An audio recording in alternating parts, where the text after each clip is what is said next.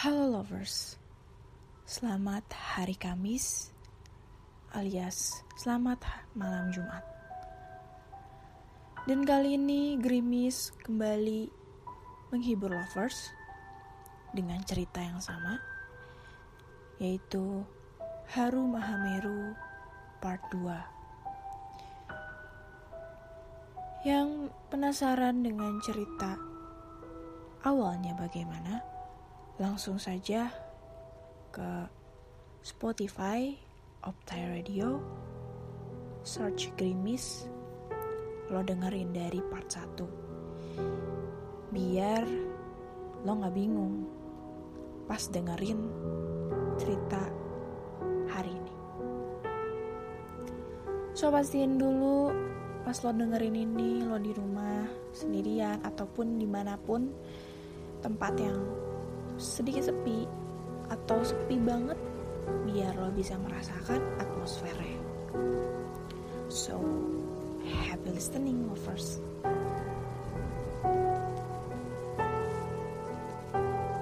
Siang pun berganti sore, waktu yang paling aku suka. Aku dapat menikmati rona merah matahari senja di tembok alas Semeru. Mai, eh, Mayang, ada yang bisa saya bantu? Apa ambil air lagi seperti tadi pagi? Ya, ayo. Ajakku padanya yang masih di pojokan gubuk. Enggak, Mas. Enggak ada. Jawab Mayang.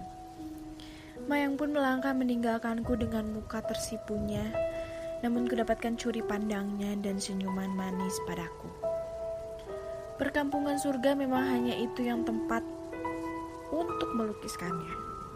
Penduduk di sini juga kebanyakan berkebun dan berburu. Hanya itu saja yang dilakukan setiap hari. Wah, Anda bawa apa, Pak? Ini, Mas, dapat celeng atau babi hutan di lereng lembah jurang Ranu Kuning. Jawabnya sembari menunjuk tempat berburunya. Ranu Kuning Jumlah warga di sini tak terlalu banyak.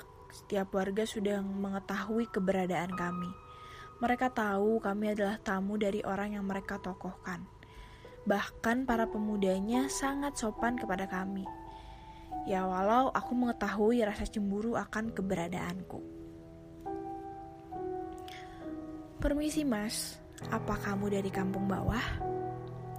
Tanyaku pada pemuda yang tak membuyarkan lamunanku.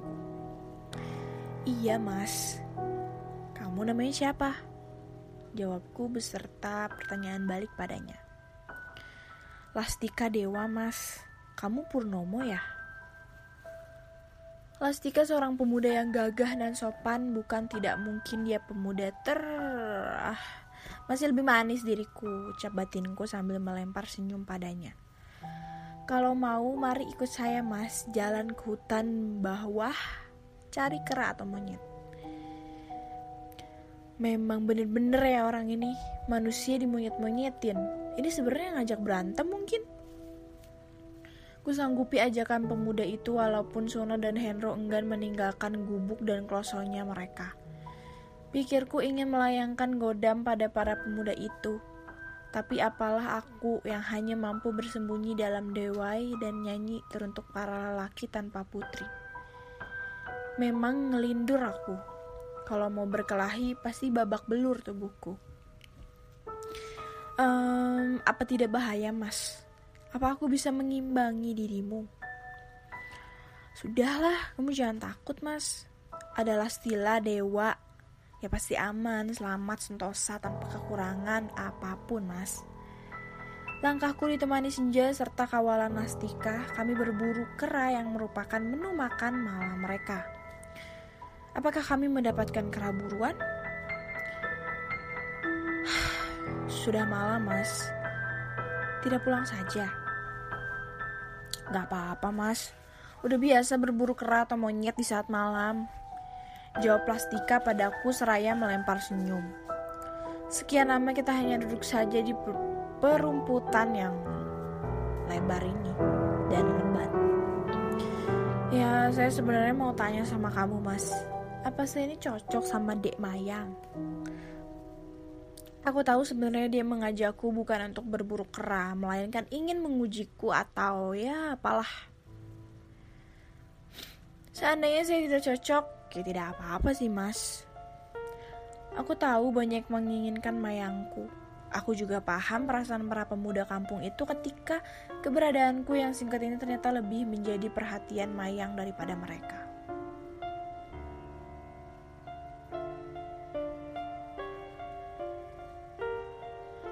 Kamu seandainya menginginkan Mayang, ya silahkan mas. Saya juga nggak pantas sama dek Mayang. Dia sadar bahwa hanya dengan menjadi temanku lah salah satu jalan mendapatkan pujaan hatinya, yang sangat aku inginkan juga. Malam pun datang bersamaan suara burung deras yang menggambarkan kesedihanku. Malam itu aku tidak ikut berkomentar saat Mbah Buyut dengan teman-temanku bercengkrama dan saling bertanya. Pikiranku hanya satu. Aku harus dapat menghilangkan Mayang demi keba kebaikan dia dan warga kampung di sini. Sudah malam. Ayo tidur. Besok bisa atau tidak, kalian semua harus naik berkelana melewati alas suwung dan ranu kuning itu. Jangan sampai kamu semua lemas karena kurang tidur. Aku tahu kamu belum tidur, Di. Maaf aku harus meninggalkanmu bukan aku nggak suka atau nggak sayang tapi aku sadar aku tamu dari luar. Ya aku nggak bisa menjadikanmu jadi istriku. Sepanjang malam tak henti-henti aku meminta maaf tentang perkataanku tentang semua sikapku tentang semua apa pun itu yang membuat gadis itu nyaman di sampingku yang membuat gadis itu tersipu malu padaku. Maaf, aku tak bisa bersanding denganmu. Lirih namun masih dapat kudengar dengan baik tangisan seorang gadis pada cinta pertamanya, tangisan pada asmara pertamanya. Aku sadar aku salah, aku sadar pemuda ini hanya pandai merangkai kata. Pagi uh, menyambut dan mulai menampakkan warnanya dengan susah payahnya menyibak sang Apa sudah bangun anak-anak itu, Dok? Seumpama belum, ya tolong bangunkan supaya bisa berangkat ke hutan atas. Iya mbah. Perlahan dia membuka pintu. Ku tatap mata sembab Mayang pagi itu. Aku tahu dan aku yakin yang ku dengar malam itu adalah tangisan Mayang gadis suciku. Mas, mari disuruh mbah ke belakang pada mandi dan melanjutkan perjalanan. Sebentar dek, apa boleh aku bicara sedikit denganmu? Dua hari ini aku ucapan terima kasih dek sama kamu. Aku juga minta maaf kalau membuat kesalahan dan aku juga minta maaf seandainya membuat kamu sakit sampai seperti ini.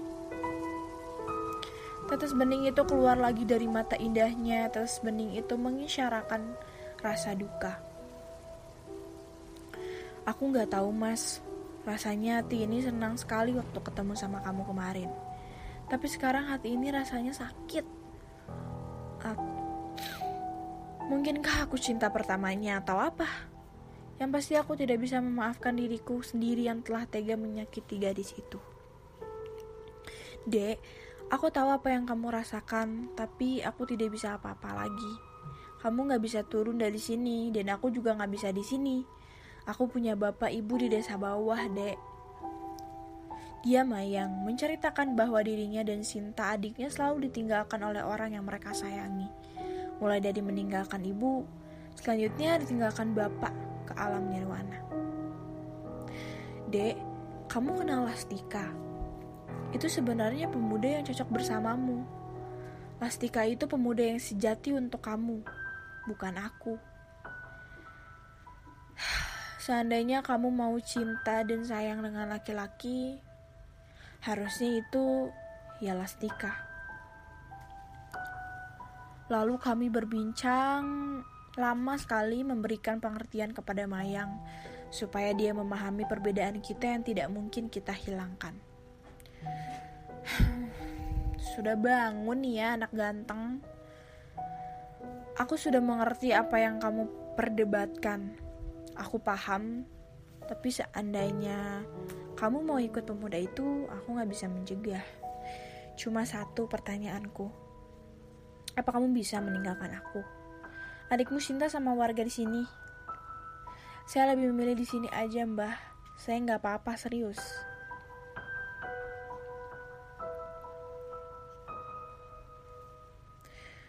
Sudah, Mbah, sudah. Saya sama Mas Pur sudah ikhlas lapang dada, Mbah. Jangan khawatir. Hanya wanita dari seorang gadis suci yang dapat menutupi kesedihannya dalam senyum bahagia itu. Matahari mulai meninggi. Hatiku sedih, tapi aku selalu berharap bahwa pertemuan serta perpisahan kami adalah berkah dari Yang Esa. Tuhan pencipta alam semesta. Ingat ya anak-anak, apa pun yang Mbah katakan waktu itu, untuk peganganmu nanti di alas subung dan seterusnya. Selamat menua sampai tempatmu semua tanpa ada kurang apa pun baik nyawa ataupun raga. Sekarang mayang itu harus jadi milikmu. Kamu harus bisa merebut hatinya dan membuat senang perasaannya Gadis itu hanya menundukkan mukanya. Mungkin memang hanya itu yang sangat elok dilakukannya di saat seperti ini. Dek Mayang yang cantik, Masmu ini pamit pulang ya. Ucapku sedikit sedih. Aku berpesan harus jadi wanita. Wani atau berani ditata. Menata hati, menata pikiran, dan menata tingkah lakumu. Harus bisa milah, milih, dan moleh. Menjaga. Membedakan barang baik dan buruk. Milih jalan hidup yang digariskan Tuhan. Menjaga kemantapanmu sebagai wanita Kuatkan tegadmu ya mas. Tetap jadi pribadi yang tangguh, harus jadi pria yang ngalah, ngalih ngamuk. Sampai kami masuk lagi ke bagian alas subung, kami hanya mengandalkan peta lontar dari Mbah Buyut. Walaupun pada waktu itu kami baru tahu kalau arah mata angin bisa dilihat atau ditemukan pada kode alam, ya mungkin mudah dan sudah banyak yang tahu kode lumut batang kayu ini. Tapi bagi kami ini hal baru. Lumut akan berwarna hijau di sisi sebelah timur dan lumut yang menguning kehitaman ada di sebelah barat. Ternyata gampang ya lewat alas ini, tidak kayak kemarin itu. Sudah diajari jangan mengumpat kamu itu, Hen. Mulutmu apa tidak pernah diselamatin? Kemarin aku tabok suatu. Aku tetap diam dengan anganku, angan kehilanganku, gadis kampung, dan warga di sana. Sebenarnya kalau aku nggak sekolah, mendingan aku di alas, bro. Aku suka sama keasrian alam dan isinya. Sebenarnya kamu itu cuma merasa kehilangan si Mayang pur, nggak lebih. Coba nggak ada anak gadis cantik di sana, adanya orang tua semua. Pasti udah lari dari kemarin kamu. Kamu tahu, tadi malam kamu ngomong terus sama sayang-sayangan dengan si Mayang itu. Sebenarnya aku dan Suno tidak tidur. Aku ya mesem-mesem, tapi yang merasa kasihan sama kamu dan Mayang. Cinta beda yang yang tak pernah sampai katanya. Makanya jadi pemuda itu banyak pacarnya, jangan jomblo-jomblo aja. Kenal sekali sudah mau diajak nikah. Lah kamu itu apa ya sama dengan hewan? Di hari ke-6 ini kami diharapkan sampai di hari batu Suryo Moncer. Kenapa area itu disebut dengan nama itu aku pun kurang tahu. Kok bisa dinamai batu surya terbit ya? Padahal nggak kena sinar matahari sama sekali. Malah kesannya gelap gulita tertutup semak bekular. Yang penting bisa selamat dari alas subung atau blank saja sudah sangat lebih dari cukup bagi kami. Cok, hati-hati ada pocong di sampingmu. Di tempat itu kami mendapatkan sambutan kurang begitu mengenakan.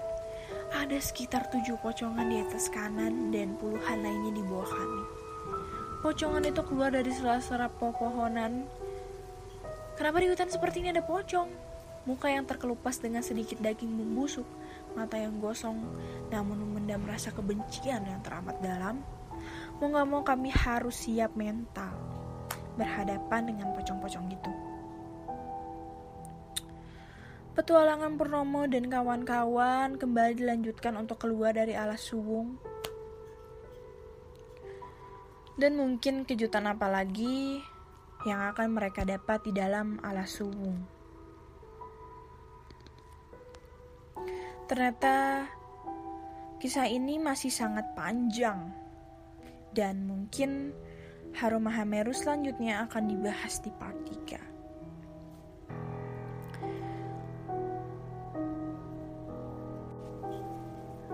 Nah lovers, itu dia tadi cerita dari Harum Mahameru part 2. Untuk kelanjutan kisah dari Harum Mahameru part 2 akan gue bacain di pekan depan.